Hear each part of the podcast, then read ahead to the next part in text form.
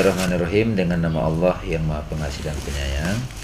Assalamualaikum warahmatullahi wabarakatuh. Waalaikumsalam warahmatullahi wabarakatuh. Uh, tema kita pada malam hari ini adalah uh, kajian tentang filosofi dan tema kita kita akan bicara tentang hakikat hakikat mahiyat ya kita fokus kepada mahiyat. Nah sebelumnya kita harus ulang kembali karena ada apa murid baru Baru bukan baru sebetulnya yang karena udah ada waktunya. Jadi filsafat itu filosofia itu berasal dari dua kata filo dan sofia. Jadi filo itu cinta, sofia apa? bijaksanaan. Bijaksanaan, pengetahuan ya, bijaksanaan. Jadi orang yang berfilsafat adalah orang yang selalu mencari bijaksanaan, pengetahuan tertinggi. Jadi orang awam tidak berfilosofia, tidak berfilsafat. Mereka makan, minum, pokoknya apa yang lihat udah ber, bereaksi berdasarkan insting sebetulnya. Mikirnya dikit. Orang awam itu mikirnya dikit. Jadi kalau ada orang berfilsafat itu berarti orangnya itu sudah mulai meneliti sesuatu benar-benar tahu gitu. Nggak sekedar tahu. Ya kan? Hmm. Nah itu yang pertama. Jadi kalau kalian sudah mulai masuk pada sebagai murid filsafat, itu mau nggak mau cara berpikirnya itu masih berbeda dengan orang awam. Bukan berarti jadi kayak gaya-gayaan juga enggak. Memang begitu filosofi ya, filsafat. Di sepanjang sejarah orang yang berfilsafat itu yang abadi. Pedagang zaman Sokrates itu nggak dikenal, tapi pemikiran itu abadi. Plato kan abadi kan sampai sekarang kita kenal Ki Hajar Dewantoro tulisan-tulisannya masih ada sampai sekarang. Nah, kalau tidak dari tulisan dari mulut ke mulut. Kalau Nabi Muhammad itu ajaran yaitu ritual. Itu, itu yang pertama. Yang kedua filosofi itu filsafat itu bicara tentang apa? Silakan Esa.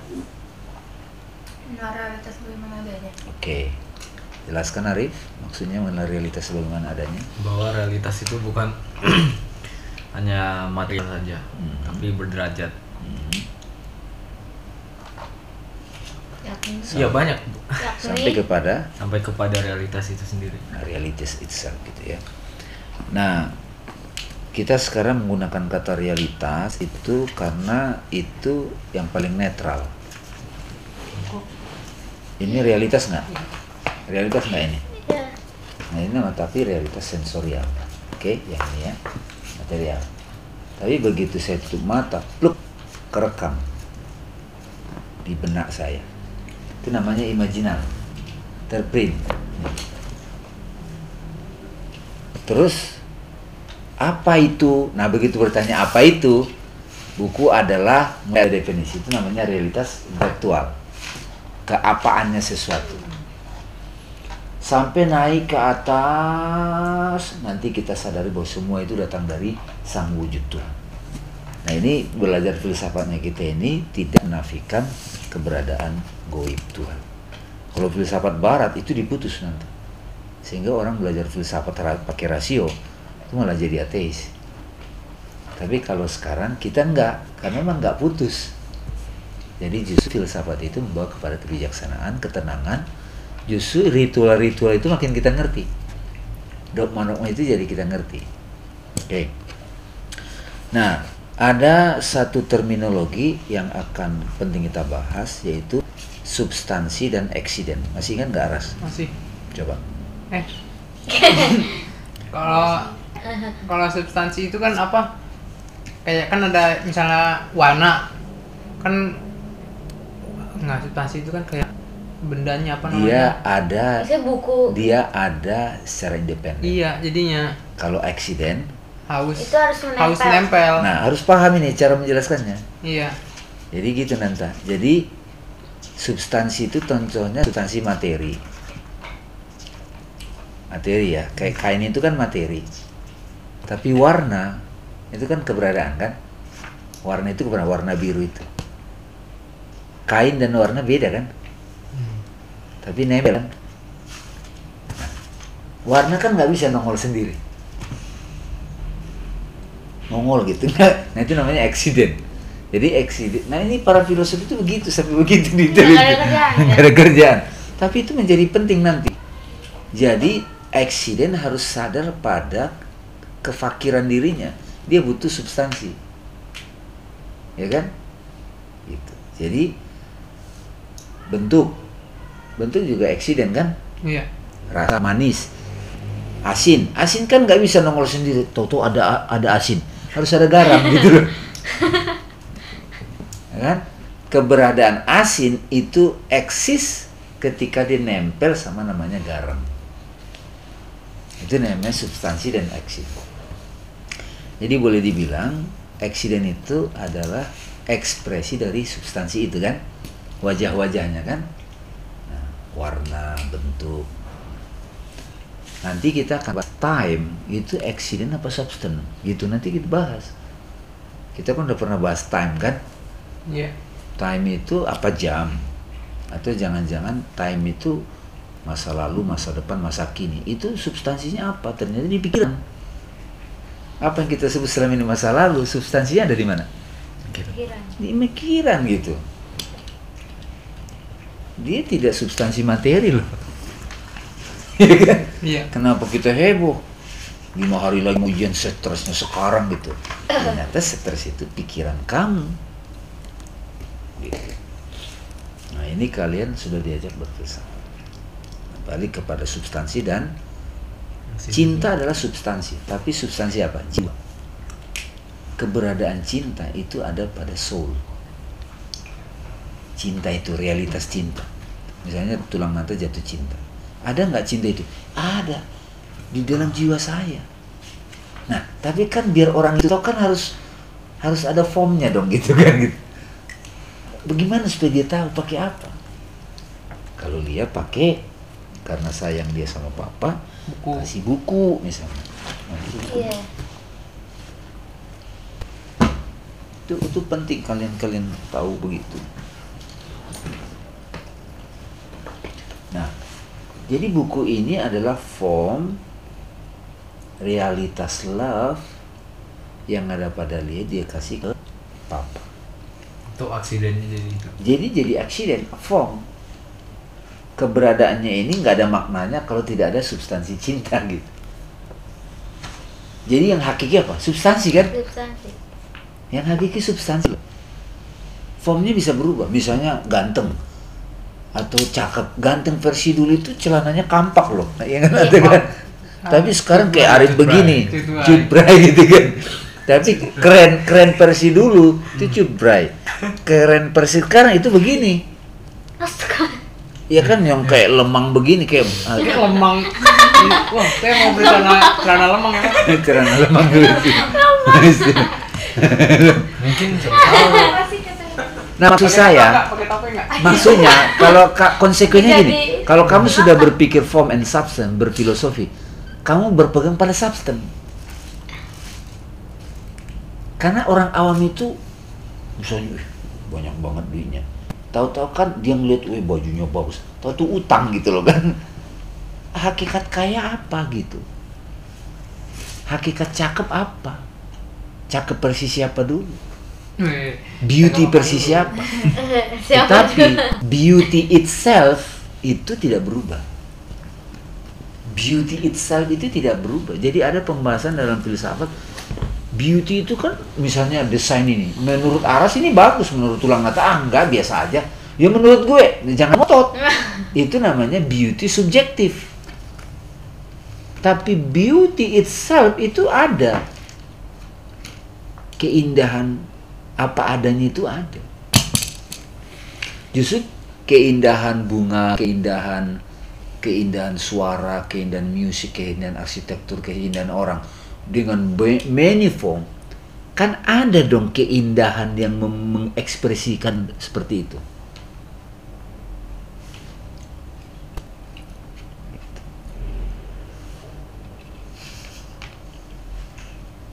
Jadi kalau orang sudah berpikir substansi dan accident, substansi and form, itu kita jadi paham kita berpegang pada substansi. Kan beberapa kali kan papa udah contohin tuh waktu itu. ini sebetulnya accident, ini form. Kalau dalam realita ini kan keberadaan material, ya kan? Iya. Ini kan sama-sama kertas, cuma Jadi pilih mana? Aras pilih Pilih mana? mana bang? Pilih dolar bang. Pilih mana kan? Nah, kenapa kartu- milih ini? Secara kartu. material dia sama-sama kertas. Apa yang membuat dia berbeda? Pemaknaan. Kita telah memberi makna. Ini lebih keren. Ya kan? Nah, kalau zaman dahulu, ini Nah, kan kertas. Zaman dahulu, nilai sesuatu yang dimaknai pikiran itu mendekati formnya kayak emas. Karena memang emas itu barang yang berkualitas. Dulu itu segala sesuatu dinilai pakai emas. Cuman bawanya ribet gitu loh jadi. Sekarang bukan lagi begini, tinggal gesek. Bahkan tinggal gini lagi pakai ini e-banking. Coba tuh. Makanya kalau orang ini hilang, war panik kayak dunia dia hilang gitu. Padahal ini aksiden loh. Iya. Ini aksiden loh ini. Sanksinya yang nempel itu. Iya, tapi agak susah sekarang makanya pantas kalau disebut dunia ini maya. Teknologi itu maya loh, maya dalam maya. Tapi kita harus paham permainan gitu loh. Makanya pap, papa atau udah ngajarin kalian filsafat, kalian paham kebenaran itself, tapi juga di bumi ini kalian paham permainan dunia. Jangan jadi belajar filsafat nggak punya duit, jangan juga. Tapi tahu ada orang-orang tertentu dikasih 100 ribu, aduh udah senangnya minta ampun. Tapi ada orang dikasih 100 juta, biasa aja dia. Yang membuat itu luar biasa apa? Cintanya. Jiwa yang ada di balik form itu, itu yang penting, itu yang abadi. Itu berarti berkaitan dengan ketulusan, keikhlasan. Nah itu mainannya di nama-nama kan? Jadi segala sesuatu yang tampil dari atas ke bawah itu kalau kita bisa lacak ke sana. Ya, ini kan substansi dari semua ini kan nama Tuhan kan, Rahman Rahim. Begitu turun ke sini ini ada formnya ini namanya blueprint ilahi. Ini namanya aras. Ayan sabita. Ide-ide Plato. Jadi kalau di dalam konteks apa namanya konteks yang sudah sering. Nah ini nih kan, ini kan layar bioskop. Ini kan ada ininya kan, proyektor kan, Iya. mancar kan di sini kan tampak film. Asalnya dari sini ini yang asli. Jadi aras yang asli itu bukan ini. Ini form, accident. Makanya kenapa udah sekarang kalau orang kerja udah lacak inner voice-nya. kan itu yang asli, formnya bisa berubah. Form itu bisa berubah kalau kita berpegang pada form ribet misalnya HP. Dulu udah masih suka ngikutin teknologi.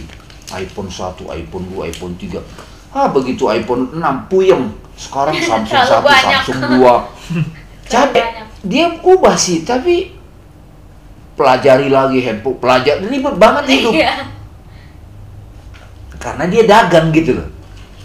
Itu modern main Aras. Nah kalau kita selalu ikutin begitu, wah ribet banget kita. Begitu sih. Nggak usah merasa sok-sok keren kalau udah tahu-tahu begitu. Kita pegang substansi. Ke mana-mana kita santai gitu. Ya kan? Nah, ini misalnya dia kan Allah, Rahman Rahim, kasih sayang. Tampillah di sini, kasih sayangnya itu tampil dalam ilmu Tuhan apa? Ibu kucing, ibu kambing, segala jenis ibu itu form-form kasih sayang. Masih dalam ilmunya Tuhan, ini namanya kodo. Baru kodar di sini. Makanya beriman pada kodo dan kodar. Kodo itu ketentuan universal, kodar itu ketentuan partikular. Misalnya itu kaca, kalau saya lempar pakai batu gede dengan tenaga kuat, pe- pecah nggak? Pecah. Tetapi itu baru di pengetahuan. Tapi pecahannya seberapa, partikularisasinya, itu tergantung jarak, tebal tipisnya kaca, tenaga yang saya pakai. Masa batunya, tekanan anginnya, Itu. gravitasinya. Misalnya substansinya Arif, Ras. Ras. Substansinya Arif. Aku yakin substansinya Arif nggak akan jadi akuntan gitu. nggak akan jadi ini tapi dia lebih ke seniman misalnya tapi senimannya itu nanti from jazz from rock itu itu accident aja tapi seniman gitu nah, begitu form ini banyak muncullah di sini makna kasih sayang baru dia dalam form imajinal baru turun ke sini. Makanya ketika Rasulullah bilang surga taman di bawah telapak kaki ibu kan ibu di sini kan Hmm. maksudnya ibu yang ini. Kualitas ibu kan maknanya mengasihi mengayomi menyayangi. Itu yang mengalirkan surga. Cuma ibu sekarang itu main HP melulu cuek cuekin anaknya dia nggak ada surga di situ jadi surga di bawah telapak kaki ibu karena memang secara umum orang mengamai pengalaman dia beribu nikmat. Jadi ibu itu adalah nama kualitas jiwa feminin. Kelembutan. Jadi Ares juga punya. Jadi surga, taman itu bawah kualitas nama kasih sayang, rahim. Makanya ibu itu punya rahim. Nah, kalau kalian sudah belajar filsafat, memaknai hadis itu jadi begitu. Nggak sekedar, kalian nggak tahu diri, nggak akan masuk surga kalian. Karena surga ada di bawah telapak kaki ibu. Nah, dia tunjuk, nih ada surga di sini. Itu kan kayak orang bodoh gitu. Padahal itu it's a symbol. Dengan kita belajar filosofi, kita jadi paham. Nah, misalnya orang kampung kayak tulang nan tulang kampung. Bersimpu di kaki nan tulang, itu adalah paradise. Tapi sekarang ini nggak bisa mulak, udah pakai SMS saja. Nah itu jadi nggak dapat lagi. Kan sekarang kan orang karena kecanggihan udah nyampein kok, tapi kan nggak berasa. Nah itu harus hati-hati sekarang. Nah apa namanya? eh, ketika kita bicara hakikat, itu kita bicara tentang whatness apa? Apaan? apa itu? Keapaan api sama air beda gitu. Bedanya di mana? Ke kepada keapaannya kan? Niatnya. mahiatnya. Keapiannya sama keirannya kesamaannya apa? Keadaan. Keadaan. sama-sama keberadaan gitu loh. Sama-sama realitas gitu loh. Nah dia nah dari mana datangnya keunikannya itu? Nah karena karena infinite-nya dia sang Tuhan. Nah ini memang terkesan kayak kita ngomong-ngomong nggak jelas. Padahal ini mempengaruhi kita menyikapi macam-macam. Sangat mempengaruhi. Kayak kemarin kita bahas epistemologi masih kan nggak ras Masih. tiga makna? Masih. coba ras tiga makna apa biar tulang nanti tahu. Tiga Ah, makna. aku inget tahu, cuman jelasinnya. Lihat coba. Ya makna itu yang yang lah apa yang lapas sebutkan dulu lah. sebutkan dulu. Bu- bukan bukan. Dengan yang rapnya lateral epistemologi. ininya. oh lateral ya? Ya epistemologi. Duh, gimana ya jelasinnya? Oke. Ya jelasinnya tiga. Epistemologi itu kan ada uh, subjective mi- subjective meaning Hmm, lateral meaning sama intended meaning. Oke. Intended meaning itu uh, makna yang sebenarnya yang dari pengungkapnya. Kalau lateral meaning itu apa? Namanya kayak apa ya? Simbol yang iya digunakan. simbol yang digunakan. Enak ditulis sih enak Iya, Enak ditulis. subjective meaning itu yang orang lain perspektif orang lain tentang ungkapannya. Oke. Ya. Jadi apa namanya? Ketika ada komunikasi, ini kan sering saya contohin ini, uh, film nanta. Hmm. Saya ulang dikit. Anak-anak ini sudah saya terangkan ini, ini sebenarnya kajian filosofi di pasca sarjana. Wah, kayak Ini kan pembicara.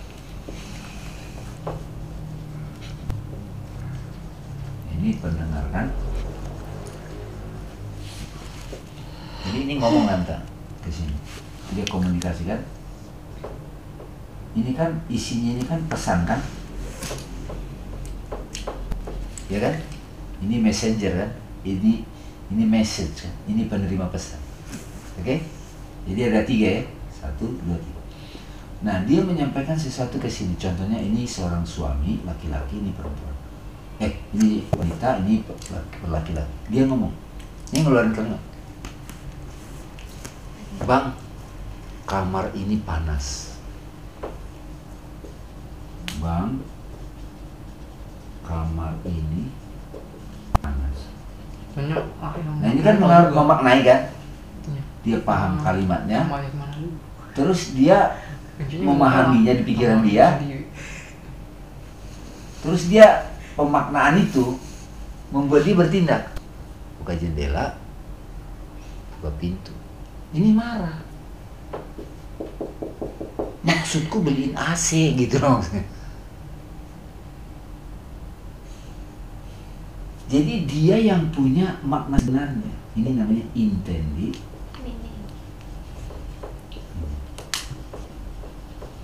makna sebenarnya. Nah dia mengungkapkan pakai bahasa begini agak basa-basi. Nah ini memaknai kan?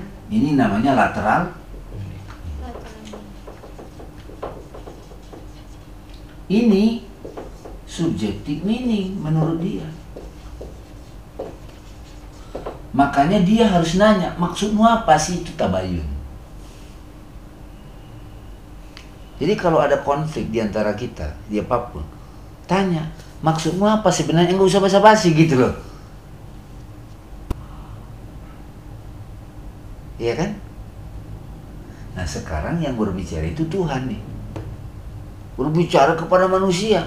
Nah yang yang menangkap itu Nabi. Nah Nabi nyampein lagi ke orang. Oh jadi KW 1, KW 2, KW 3 gitu. Sehingga kata-kata kafir ini dimaknai secara lateral kafaro. Itu loh maksudnya. Nah kalau orang tidak punya ketelitian berpikir, filsafat, jadi kacau jadinya teks Quran itu. Lateral lateral meaningnya penting kita paham, kita maknai juga lateral meaning. Tapi itu jembatan ya yang punya makna sebenarnya itu adalah membawa pesan, penyampai pesan, bicara Lateral itu berarti harfiahnya ya? harfiahnya. Hmm. Nah, Quran itu kan banyak bahasa perumpamaan. Betina Iya banyak banget gerak Ah. segala macam. itu ada dua mana nih dua makna aras yang ini apa ya Misalnya ras, misalnya nih, coba, coba, coba kita ambil contoh. Stephen Covey juga pakai bahasa asal gergaji. Kalau makna lateralnya kan mengasah gergaji. Ayo, Iya, Asal, asal benda tajam. asal gergaji kan maksudnya gitu. Tapi maksudnya Stephen Covey kan mereview dirimu gitu.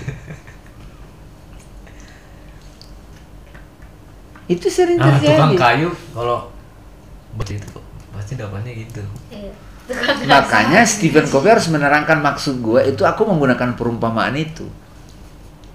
Nah sama dengan surga di bawah telapak kaki ibu. Nah surga di sini, ya maknya itu lateral meaning lah. Kali kau mati nanti, eh gitu. Surga di bawah telapak kaki ini kaki dia itu maksudnya. Iya, suut menyerap gitu. Nah makna sebenarnya itu sebetulnya hati yang tahu. Makanya kalau sama-sama kembali ke hati itu jadi tahu. Nah nanti begitu ras kalau sudah mulai matang kalian begini kita akan baca pelan-pelan ayat-ayat Quran itu. Cerita Fir'aun itu maksudnya apa sih? Kan betul itu sejarah. Betul itu sejarah. Belah laut. Emang maksud lu belah laut begitu? Kan ada orang, wah kayak hebat lu teh. Kan ada makna spiritualnya. Tuhan menggunakan cerita. Betul ada cerita itu membelah laut. Tapi sebetulnya makna yang sebenarnya mau disampaikan Tuhan membelah laut itu apa? Itulah pembahasan tentang mahiyat. Keapaan. Apa ini sebenarnya maksudnya? Jadi mikir nggak kita jadinya kan? Mengkontemplasikan sesuatu. Karena kebanyakan orang itu menjalani hidup menafsir ini menafsir itu. Jadi sa- salah persepsi, jadi ribet jadinya.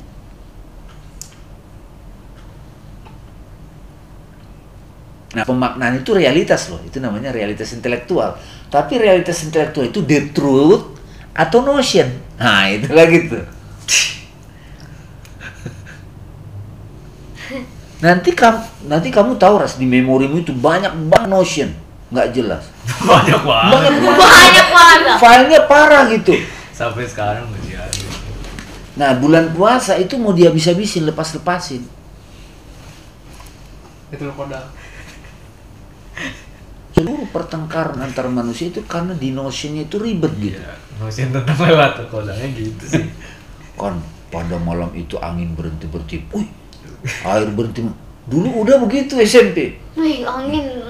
terus malam ganjil udah maknain tanggal ganjil Iya kan? iya kan waktu itu begitu dan ustaznya juga ngomong begitu padahal malam ganjil eh maksudnya memang Iya, aku juga ngerti. malam yang aneh malam nggak biasanya Oh, Oh, ganjil. iya. ini ganjil banget nih si malam ini nggak biasanya begini gitu loh ya itu. Jadi eh, betapa bahagianya bersyukurnya orang kalau belajar filosofi. Makanya Plato juga menjelaskan filsafat itu pertama cerita dalam gua kan? Supaya bisa begitu ini kayaknya what is reality ini harus berkali-kali ras ternyata. Ini basic sebelum aku siapa harus nah, pasti beda. Kalian rasakan kalau kita baca ulang ini itu beda banget. Ini kan buku ini nanti dikasih di University of London. University of London. Buku ini buku cuma dia pakai karikatur. Tapi ini bukan buku ece-ece loh. Jangan salah Stephen Law ini profesor. Udah juga kalau nggak belajar filsafat Islam nggak bisa nerangkan ini. Kan susah kan nerangkan filsafat susah banget kan? Gue sih susah nerangkan filsafat kan? Gue sih udah ngerti tapi gimana ya ngomongnya? Itu susah memang. Dari tadi juga kamu bingung mau nyatat apa ya? Tapi gue ngerti mau nyatat Kalau kalau apa aku justru latihan tuh nulis nulis. Betul. Nulis. makanya. Jadi aku membayangin ada aku yang ngajar. Iya iya memang. Nah kayak gini gini, ini kan buku filsafat papa. Kayak gini gini papa bikin gini.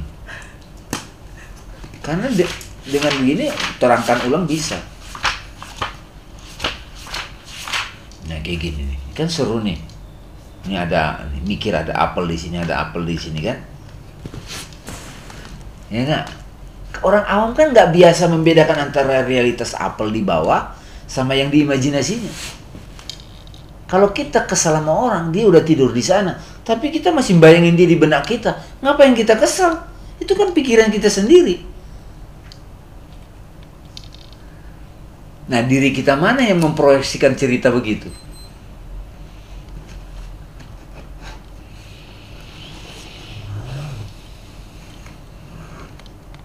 Dan apa yang terjadi di outer life, suka nggak suka itu asalnya dari mind. Dari mind. Makanya kadang-kadang kan ditanya kalau dalam ilmu leadership, iya kamu resolusimu 2017 apa? Ya aras dua liburan lulus, ya nggak? iya Sama English, dah gitu aja. Tapi tiba-tiba dia nggak itu ya sekedar nulis Iya. itu masuk file doang. Tapi perilaku sehari-hari nggak mengantar ke situ misalnya. Tapi kan tidak, dia Misalnya. belajar kan, belajar. urusan Dan lulus dia atau belajar. tidak itu urusan dia perjuangan kan gitu. Jadi maksudnya gini, kalau udah misalnya papa mau mau me- menggerakkan orang, saya pastikan dulu saya bisa ngomong sama pikirannya. Kalau dia belum paham apa yang saya maksud, nggak akan bergerak dia, nggak akan bergerak. Misalnya nih, nih contoh nih contoh konkret ya, ini praktikal. Ini kan lagi dibaca Lia, Celestine Prophecy. Ini udah sering saya ngomong. Nah lagi kemarin berdua sama Lia, Weh, dia gimana? Oh, ini lagi baca ini, nih, Bang Arif lagi baca buku musik ya gitu ya. Udah 100 halaman.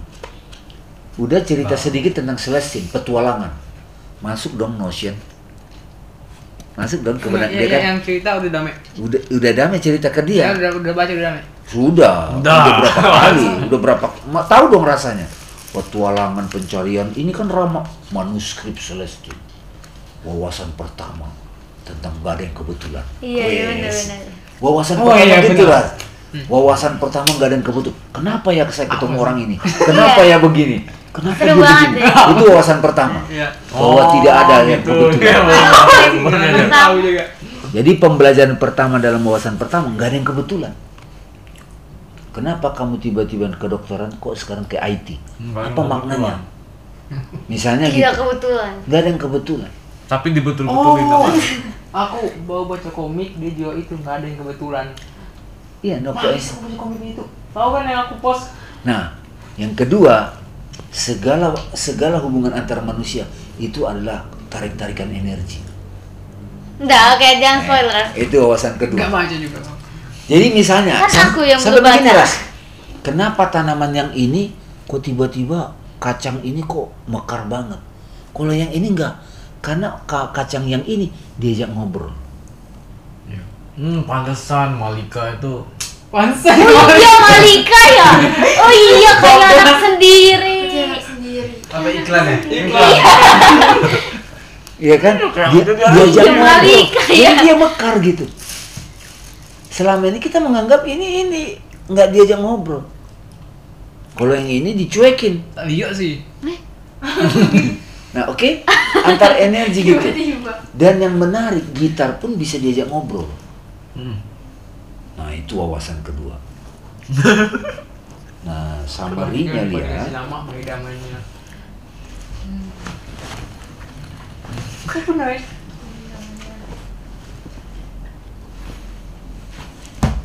Ece kasih nama apa? Ini summary-nya ada di sini lihat. Beda, mainnya beda. Coba. Vision. Hmm. Wih. Oh itu yang kedua. Enggak, tiga-tiganya itu Satu. di summary jadi satu buku. Hmm.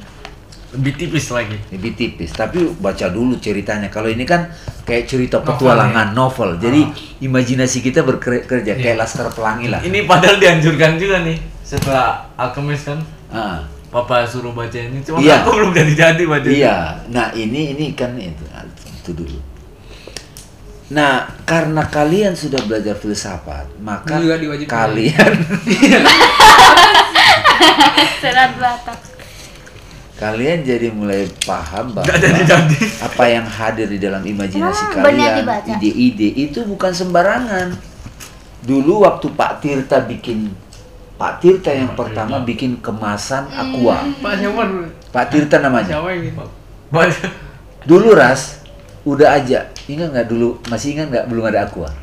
Kemasan begini. Hmm. masih merasakan nggak? Memang itu masih Pak baru. siapa itu? nggak. Berarti ini kan kayak Bukan, kok ngapain sih ini dijual? Banyak banget kok air gitu kan?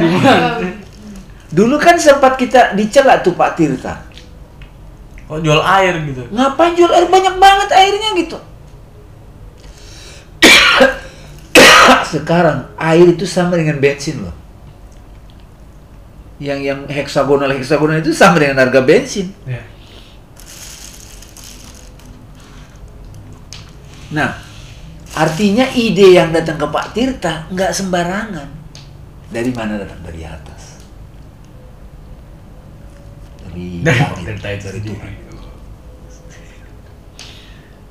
Jadi dengan begitu nanti waktu kita nulis resolusi 2017 du- diam dulu berdoa.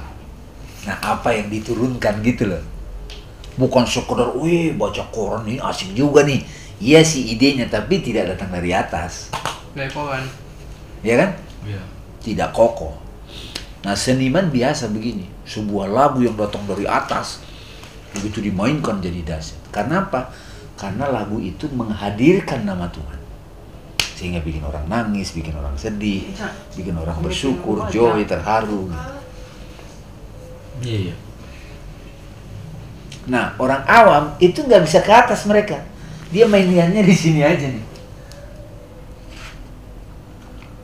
Itu orang awam. Itu namanya kafir sebetulnya. Dia tertutup dari ini. Jadi orang kafir itu sebenarnya orang yang tertutup. Ini kan goib nih. Apa sih goib? Ini kan hidden kan? Ini goib. Tidak terlihat oleh sensor. Alladzina. Ini kan sensorial. Kelihatan. Jadi orang kafir itu orang yang nggak sadar sama ini. Kafir di sini, kafir di sini, kafir di sini, sampai di sini, sampai tauhid. Kenapa orang artikan kafir beda agama? Agama form lagi formal.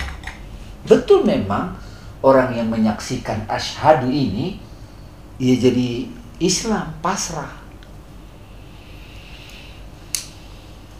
Tapi nggak usah berdebat sama mereka ras. Nggak nyambung soalnya. Nggak berpikir filosofi. Biar aja. Kavaleri itu kan tertutup dia dari ini kesadaran begini. Nah di sini kan nih ada dua HP nih. Tahu-tahu lagu pindah. Orang dulu wih gimana ya sensorial padahal dia nggak tahu di sini ada gelombang gelombang masih materi loh Iya. Cuma Asal. kayak lebih tipis halus, dari lebih halus, lebih halus. Gelombang itu masih materi. Kalau jin, kalau malaikat, nama-nama Tuhan, makanya orang-orang arif itu ngelihat nama-nama Tuhan di mana-mana.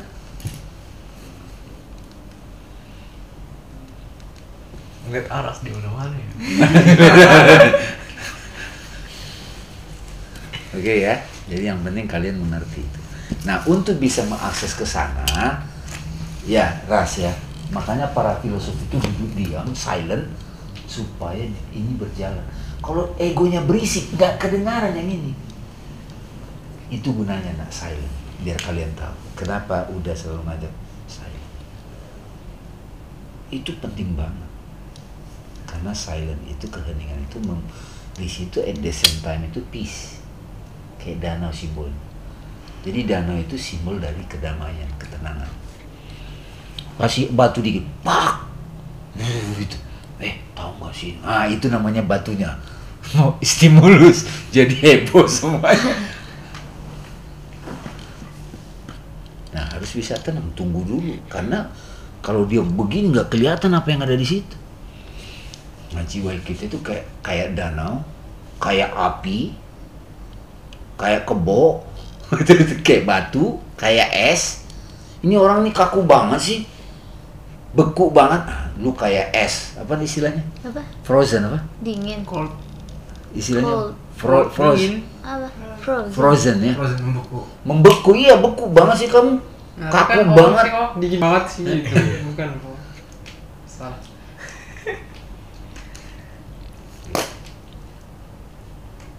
Oke, ada pertanyaan?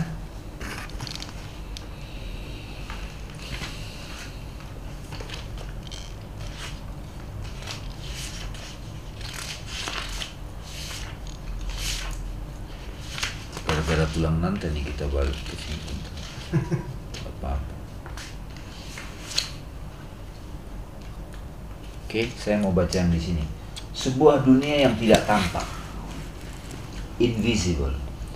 Plato percaya bahwa dunia ini, kalau disebut dunia awam itu ini ya, dunia itu Ini. berlapis. Ini materi. Dunia yang saya dan anda rasakan saat ini. Nih. Ada dunia maya gitu di sini kan ada dunia maya. Dunia maya itu bisa disentuh nggak? Ya. Bisa. Imajinasimu kan sebetulnya ini alat doang loh. Dunia maya itu kan imajinal. Imajinal. Ini kan alatnya Oh, aja. Pas aku pernah nonton Ultraman kayak gitu. Terjemah ke dunia maya, terjemah ke dunia imajinasinya. Hmm. Kamu main game, Aras. Aras, main game. Oh, dia. Kamu tuh berantem di sini loh sebenarnya. Andersonnya Itu bantu Anderson itu di sini. Itu alat bantunya aja. Mengerti nggak ini? Iya.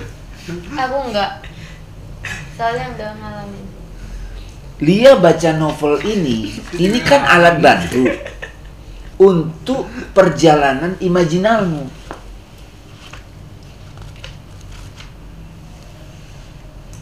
Jadi yang asli itu yang di dalam batinmu. Kalau kamu baca ini nggak imajinasinya nggak main, feelingnya nggak main, ini kayak kata-kata aja. Bayangkan Quran. Teks suci kita baca, imajinasi kita bening, feeling kita bening, intelektual kita bening. Wah, rahasia-rahasia banyak terbongkar.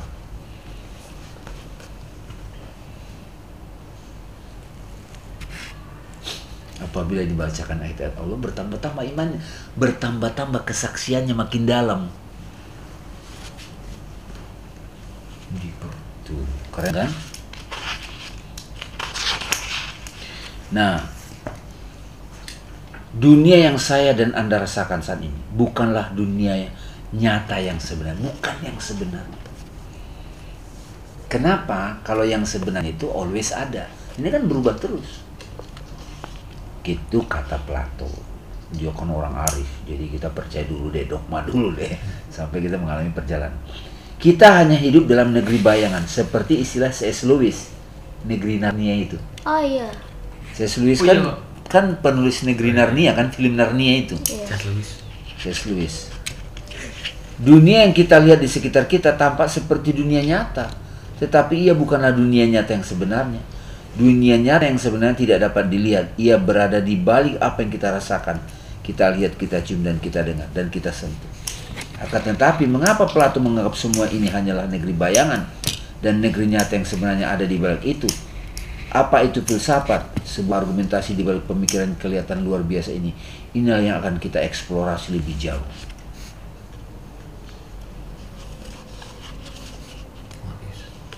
Jadi dulu waktu papa mati suri kan pernah mati suri koma. Iya kan nggak bisa menyentuh apa-apa secara indrawi, tapi udah mengalami banyak hal.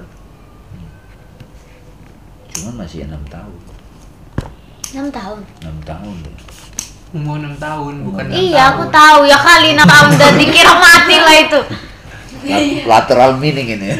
Iya, aku ngejelasin ke Lia. Ay, aku udah ngerti. Oke ya. Nah, terus pertama dibahas hakikat kecantikan. Nih, lihat gambarnya. Saya sih lebih suka hakikat beauty, ke- keindahan. Iya. Bukan cantik. Kalau cantik itu makanya kan ada bahasa kromo Injil. Kalau di Jawa ras itu ada apa? Koe, kamu. Terus sampean. Nah, itu Panjenengan. lesawan. Panjenengan. Nah, itu itu beda rasanya ras. Panjenengan kamu. Panjenengan Kamu. itu wah itu kayak Itu udah panjenengan itu udah kamu. Iya. Nah, sangat hormat. Oh, ya kan ruang nanti pernah di Surabaya Jawa Timur. Nah beauty itu beda gitu.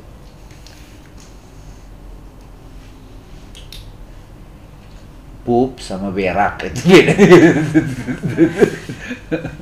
Ini sama aja sih sebenarnya. Tapi kan ini itu kata sopan dikit. Bahasa ya betul Tuh bahasa. berak tuh kayak minta ditonjok gitu loh orangnya.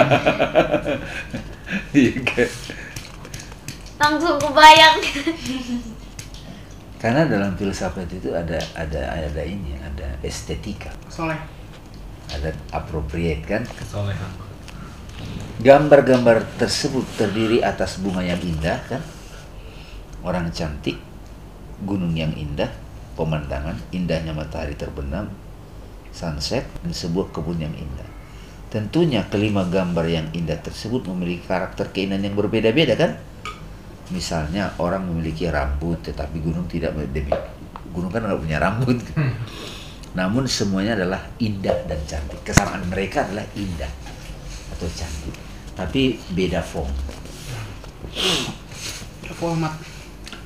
Apa sih hakikat cantik itu? Wah ini mulai dia nih kan. Apa sih? Penampilan cantik beauty itu macam-macam.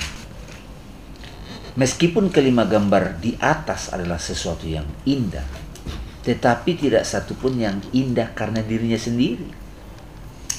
Nah, mulai nih.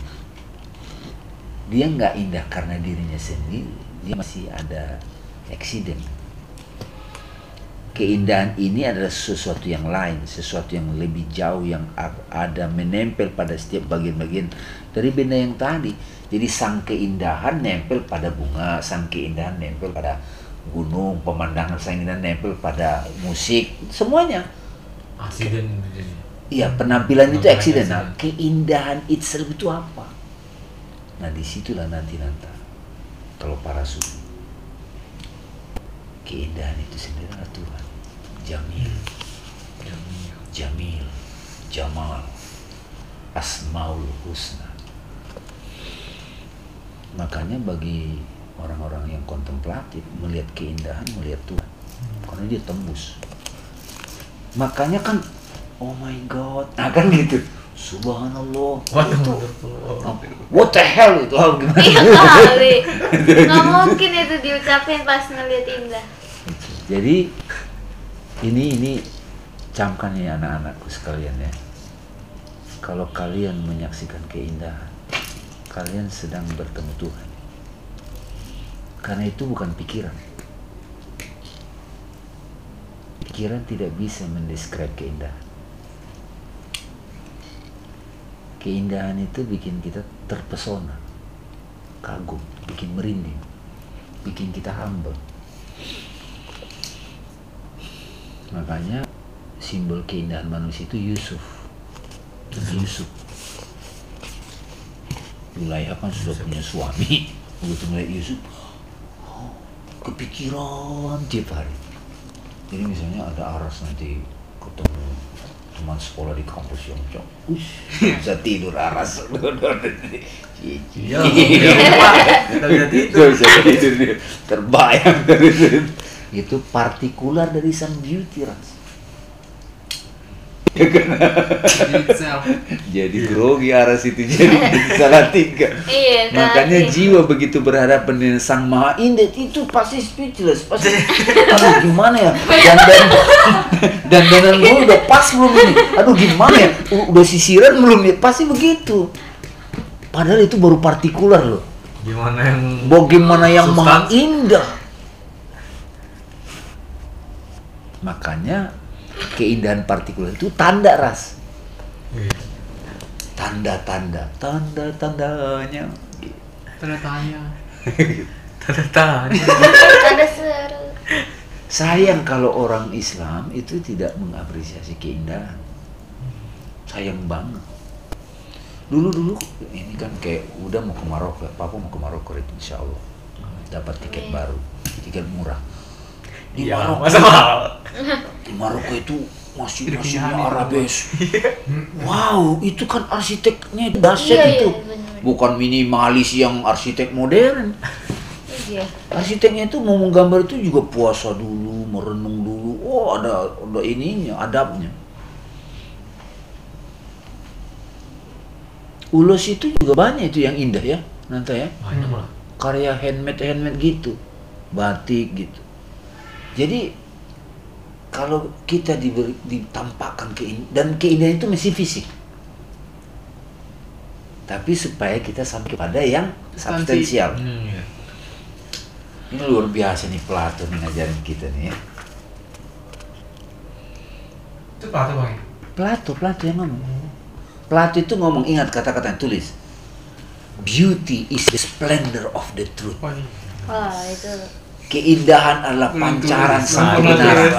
belum mana tulis Beauty is the splendor of truth. Yang Plato. gede, Pak.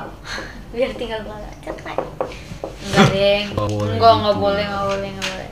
aku aja itu beauty Quote of the day. Oh, Truth. Beauty is the splendor of age. Entar ada ada foto muka Plato di bawahnya ada ada nama Plato Plato itu kan ada namanya Akademi Plato. Dia banyak melahirkan filosof. Aristoteles ya Iya, Aristoteles itu muridnya. Tapi Aristoteles itu menurunkan makna filsafat jadi rasional. Toh. hmm. Oh ya? Iya, jadi tidak spiritual lagi. jadi dia dikenalnya apa ilmuwan Jadi Iya. saintis. saintis Saintis. dikenalnya dia Hmm. Teori itu lebih teori apa teori kehidupan Siapa Iya. muridnya? Aristoteles. Oh, kan di Kehidupan- buku kehidupan di kayak- buku dunia Sofi kan ada ri- Rip ya? Iya, itu banyak banget itu. Ada- ada keren. Darwin. Iya.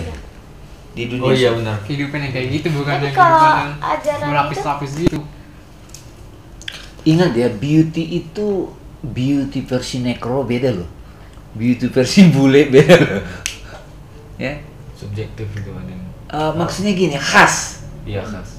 Tapi beauty itself itu bukan subjektif loh, Rip. Apa adanya. Yang itself itu bukan subjektif. Mas. Bukan subjektif, betul. gini gini ya Apa sih hakikat keindahan itu? Meskipun kelima gambar di atas adalah sesuatu yang indah, tetapi tidak satu pun indah karena dirinya sendiri kan, bukan indah men apa adanya. Keindahan itu adalah sesuatu yang lain, sesuatu yang lebih jauh yang ada menempel pada setiap bagian-bagian dari benda yang ada. Jadi sang keindahan menam- menampak pada semuanya. Jadi dengan kita belajar begini, kita jadi kalau melihat keindahan partikular, waduh, the beauty, the beauty, sebut aja the beauty. The beauty turun jadi a beauty, a beauty, a beauty. Plato menyebut sesuatu yang lebih jauh itu, beauty itself adalah hakikat keindahan. Menurut Plato, yang membuat sesuatu itu indah disebut in- yang membuat sesuatu yang indah itu disebut indah adalah kenyataan menunjukkan bahwa menyatu dalam hakikat keindahan itu sendiri. Jadi gini ras, ketika kamu melihat sesuatu yang indah, itu karena sang maha indah itu menyatu di situ sama keindahan partikular itu. Jadi musik yang indah, the presence of God, kehadiran Jamal, makanya bikin nangis orang, bikin kayak kita main apa itu kemarin itu konser kita satu setengah jam kan? Iya, satu Lebih mana? luar biasa. Udah cukup deh. Segitu aja udah cukup tuh. Nanti. Karena kalau udah ngajar filsafat bukan cuma di pemahaman tapi juga ada rasanya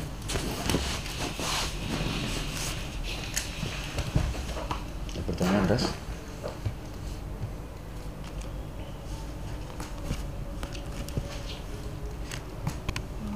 Jadi satu lagi maksudnya. Jadi ketika kita merasakan keindahan itu ini pertanyaan keindahan tadi kan kita melihat kehadiran the beauty di situ. Hmm, gitu. sang beauty ya Sang beauty, ya. Jamil Jamal Eh, apa yang kita lakukan? Apakah kita menikmati itu seperti apa? nah yang menarik Nata kalau kita sudah melihat keindahan di sini kan Hmm. Oke, karena kita udah belajar kayak gini, itu jadi objek meditasi. Kita sadar ini yang turun. Maka pengalaman beauty itu itu menempel di sini. Jadi kapan pun kita buka foto itu, kita masuk taman surga. Itu jadi zikir. Jangan buru-buru selfie. Hmm. Resapi dulu rasanya. Jadi nanti dia Ya, pasti jangan jangan buru. dulu. Kalau makan cobain dulu. Nikmatin dulu. Kayak nggak mungkin. Kayak kita kunci. Makanya jangan foto. Hmm. Terus Aku yakin nih. Oke, aku habis bulan itu aku nggak Nah foto. dia menjadi bohong. objek Emang aku meditasi. Bisa dipanggil ulang. Jadi zikir. Makanya Aku Plato nggak tahu nyebut ya. Dia recollection, saya? memanggil ulang. Ya, Makanya itu karunia. Keindahan itu bukan cuma ini, bisa loh keindahan kata-kata ya. Iya kata-kata. Dan saya mau jujur sama kalian semua di sini. Keindahan itu adalah pengalaman surgawi.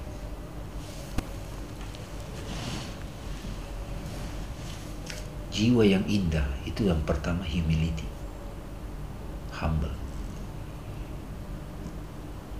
Kedua, generosity, suka menolong, pemurah. itu kamu ketemu teman begitu wah itu surga itu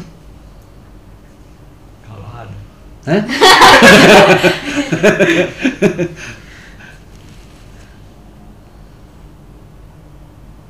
itu dan kalau misalnya kamu ketemu orang yang memancing neraka puasa yang terpancing itu nggak gunanya puasa menahan diri. Supaya punya jubah jubah dokter. Streng itu. Iya itu namanya takwa ras. Eh, aku ya. Kok kamu pikir tak kecil? Sudah mau puasa ya ya. dan di surga itu minumannya apa? Kan mengalir. Ada wine Anggur ada susu wisdom. Susu itu wisdom. Oh ya. ketika kamu wah ini ini ilmu ini luar biasa kok. Ada kok pengetahuan begini. Kan wisdom. Itu susu. Yang alergi susu makanya haus. jadi Susu yang terbuat dari Oh, susu. iya iya lah, bukan susu yang putih. ada madu. Madu. Madu apa? madu itu manis. Yang menyegarkan, yang menyehatkan, yang menyembuhkan.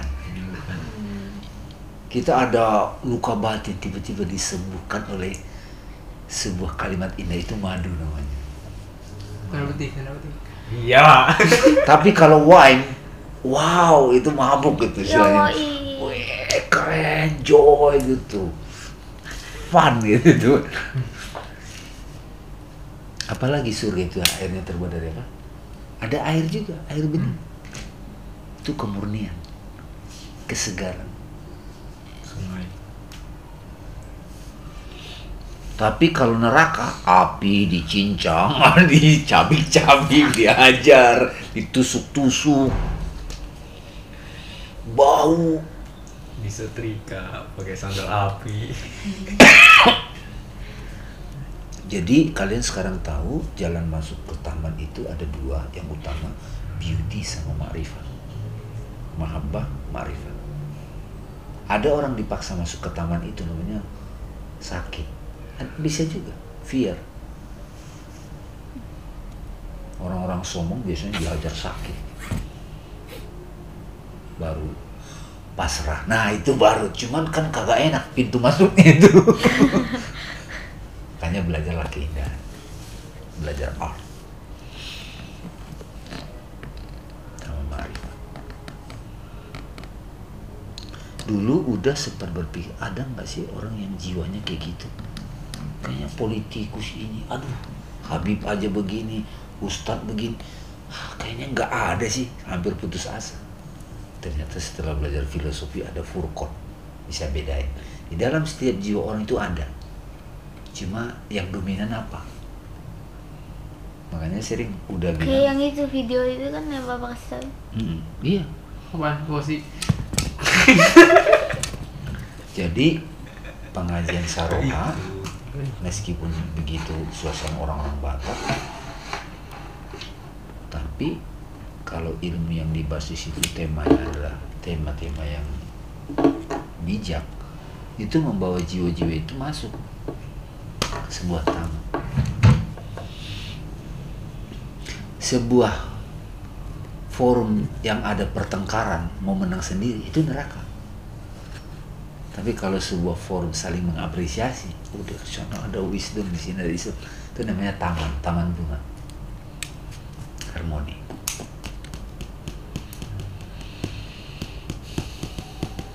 Dan itu perlu di dimatangkan supaya jadi permanen. Oke?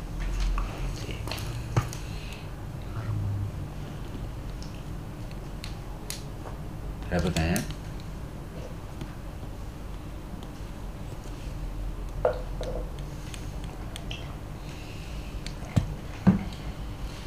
Reno, Ya. kadang-kadang kan kita melihat keindahan. Ya. Eh, ini mungkin dari sosok seseorang atau gimana gitu dan tapi kita nggak bisa menggapai keindahan itu gimana bro?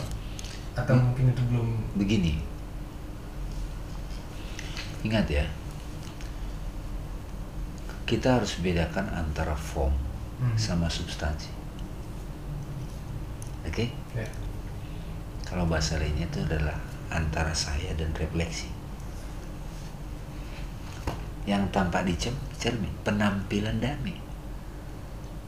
Nah, ketika orang melihat penampilan damai yang ada di cermin, itu menjadi alat bantu untuk menyadari substansi yang asli yang mana. Oke? Hmm. Ketika kita melihat keindahan fisik Hmm. seseorang, sesungguhnya dia adalah cermin aja. Yang asli adalah yang terbuka di dalam ruang batin kita. Makanya ayatnya wa min ayatihi an khalaqalakum min anfusikum azwaja litaskunu ilaiha wa ja'ala bainakum mawaddatan wa rahmah. Inna fi dzalika la ayati yatafakkarun. Di antara tanda-tanda kami Hmm. kan dia the truth kami ciptakan dari jenis pasangan yang membuat kamu sakinah ciri sebuah keindahan itu mendatangkan ketenangan mawaddah mawaddah jadi ada mengalir rasa kasih sayang kan waroma pingin pingin ekspresi pingin ketemu dia pingin ngungkapin. Yang demikian itu terdapat tanda-tanda bagi orang yang merenung. Jadi makanya kita penting belajar renungkan aja pelan-pelan. Nah lahir batin. Yang lahir itu membawa yang batin. Tapi yang abadi yang batin tapi jangan ngomong ke dia lu kan gak asli. Jangan itu namanya kita nggak dewasa.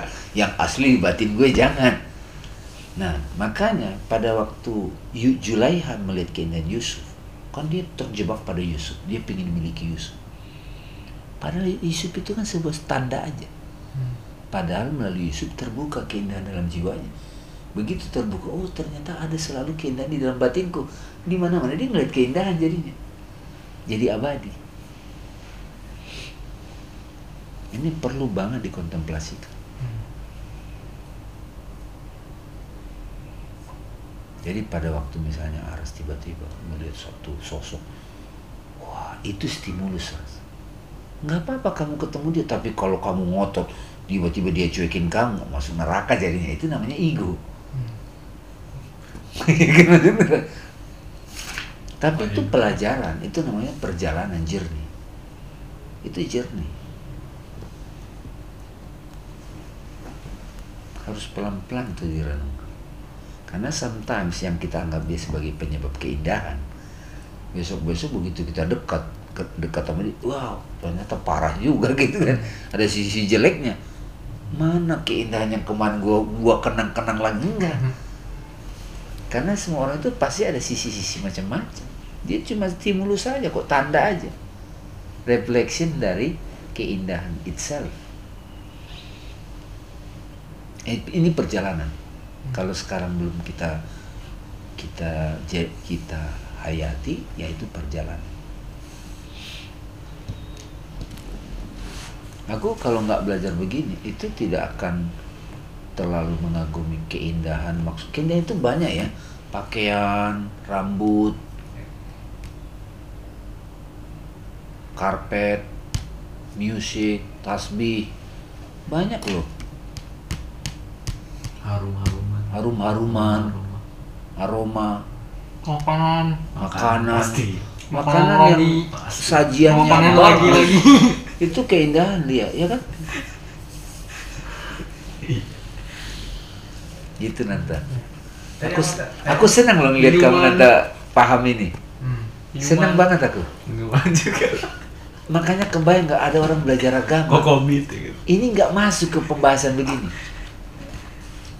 sayang sekali. Karena ego. Pokoknya orang yang diizinkan melihat keindahan itu orang-orang yang rendah hati. Percaya mas saya? Bukan percaya memang begitu. Bukan or- orang yang rendah hati orang yang charity generosity. Kalau makanya ke surga nggak diizinkan ego masuk. Ya. nggak diizinkan. Kasihin pak ego gak pernah masuk. Nggak masuk Tadi ada apa? Momen ayati itu surat ar-rum. Arum ya. ar-rum. Ayat. Ayat ayat ayat 20 kan? Itu kan yang di buku undangan nikah. Iya, itu. enggak emang di buku undangan nikah itu. Oh Apa artinya? yang arum itu. Wa min ayatihan di antara tanda-tanda kami kami ciptakan dajjalismu Oh, pasangan iya. buat nikah biasanya itu? Kayak Nah ini Arum ya. Surat 21 entah lama gue nikahnya. Allah ingin keindahan itu sendiri. Arum 30 apa itu? Ayatnya filsuf Nah 21 terus keindahan Satu ya? dapat di Cuma di sini dibuat kebesaran. Padahal kan ayat wa min ayatihi. Kan cuma dalam kurung di antara tanda-tandanya. Hmm. Tanda-tanda Allah di beauty. Ya. Ialah dia menciptakan pasangan-pasangan loh bukan istri. Iya kan? Pasangan kan? Hmm. Pasangan itu bisa apa aja Pasangan-pasangan apa? Pasangan-pasangan untukmu dari jenismu sendiri Orang berarti kan bukan kambing kan oh iya Agar kamu cenderung merasa sakinah kan Sakine. bukan orang juga. Apa? Sebetulnya kalau lebih dalam bisa bukan orang Ya, makanya udah bisa, semua juga. Kamu udah lebih dalam itu. Yo yo yo yo. Udah udah lebih dalam. Tapi konteks ini orang dulu. Danau pun juga itu danau. Sebuah musik juga bisa tanda yang membawa sakinah. Ketika udah menyanyikan lagu Louis Armstrong itu sakinah udah. Damai bersamamu. pasangan itu Oh iya, terus I'm yours. Ya kan Esa kan?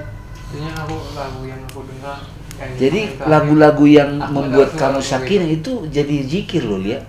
yang Jadi objek meditasi. Pokoknya ada lagu bau sih dengar kan? Iya. Coba ayat-ayat begini aja dihayati itu luar biasa loh.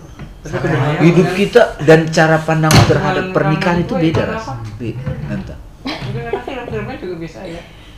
Komiknya. Jadi keinget Nah. Ketika kamu pingin membuat itu permanen, maka muncullah yang namanya mengikatkan diri jadi akad Hmm. supaya akidah, supaya mengikat yang ke sana. Tapi kalau misalnya kamu tidak bisa menyatu total semua, jangan paksa juga. Menyatu satu sisi aja.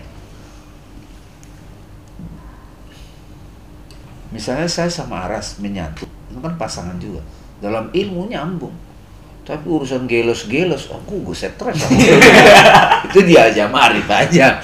Pasangan dia Arif urusan gelos gitu. Orang bukan diskusi-diskusi gelo. gelo gitu. Saya nggak nyambung itu. Biarin aja. biarin Jadi, jadi jangan paksakan semua kita itu nyatu sama orang. Itu ego. Sama seperti tadi kan udah nyambung kan? Ketika misalnya tulang nantang mau ini sama Bu Ani, itu di di level mana? Misalnya sama Bu Ahmad, Ap- di bidang apa yang nyambung? Kalau Bu Ahmad kan orang-orang ikat, orang-orang itu, nah iya. Saya juga kalau sama Solan nggak bisanya urusan warung, nggak nyambung saya urusan warung. Jadi cari yang yang yang ini yang nyambung. Nah itu namanya pernikahan, pengikat, ikat, akad. Yang curi kayak Arif sama Mas Bebe, Papa sama Mas Bebe itu menikah, Oh, sekarang aku tahu. itu menikah, menikah, Nikah ide, apaan? menikah ide, nikah ide ide idenya menikah kan misinya sama. oh, iya. Bayangin Papa ke KJK pulang malam. Kalau nggak ada itu nggak mungkin dan Mas Beben tahu. Tadi chat chatting, di chatting. Makasih ya Mas Damai katanya sudah selalu menguatkan. Karena kehadiran Papa di situ kan dari Tuhan juga. Nih ini omongannya nih chatting ini bagus nih. Nih. Terima kasih Mas Dame semalam kehadiran Mas Dame selalu dirindukan dan menambah bobot pengajian jazz KJK.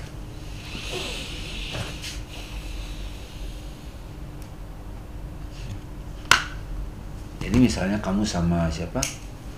Eh anaknya Om Lutfi, Dihan Jihan. Iya kan? Iya. Kan nyambung kalian tuh. Tapi nggak semuanya juga.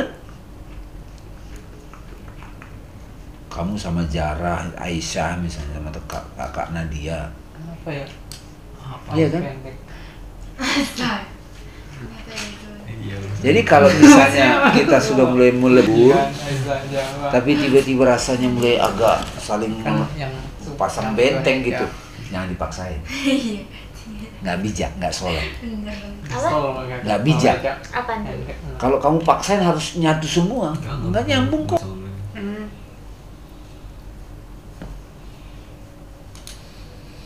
iyalah Iya kan? Enggak. Misalnya Lia jalan berdua sama Kak Gilang, nyambung nggak? Belum tentu nyambung kan? Makanya kan berdua ke mana? Gilang nemenin kamu belum tentu gitu loh. Kecuali banget. Iya. Nah, Gilang sama Abang Aras udah. Atau Aras sama Ua, Ua apa sama Borudul Hak berdua gitu kan. Nyambungnya Aras di iya, iya, dulu doang. nanti. Aras cuma iya iya doang Iya. gitu. Jadi ya, ya itu, tapi seorang insan kamil itu bisa melebur sama apa pun. Karena dia tahu. Ya. Bisa sebetulnya. Oke? Okay? Cukup Alhamdulillah. Itu kicauan burung? Kicauan burung ya, ini selalu sebelum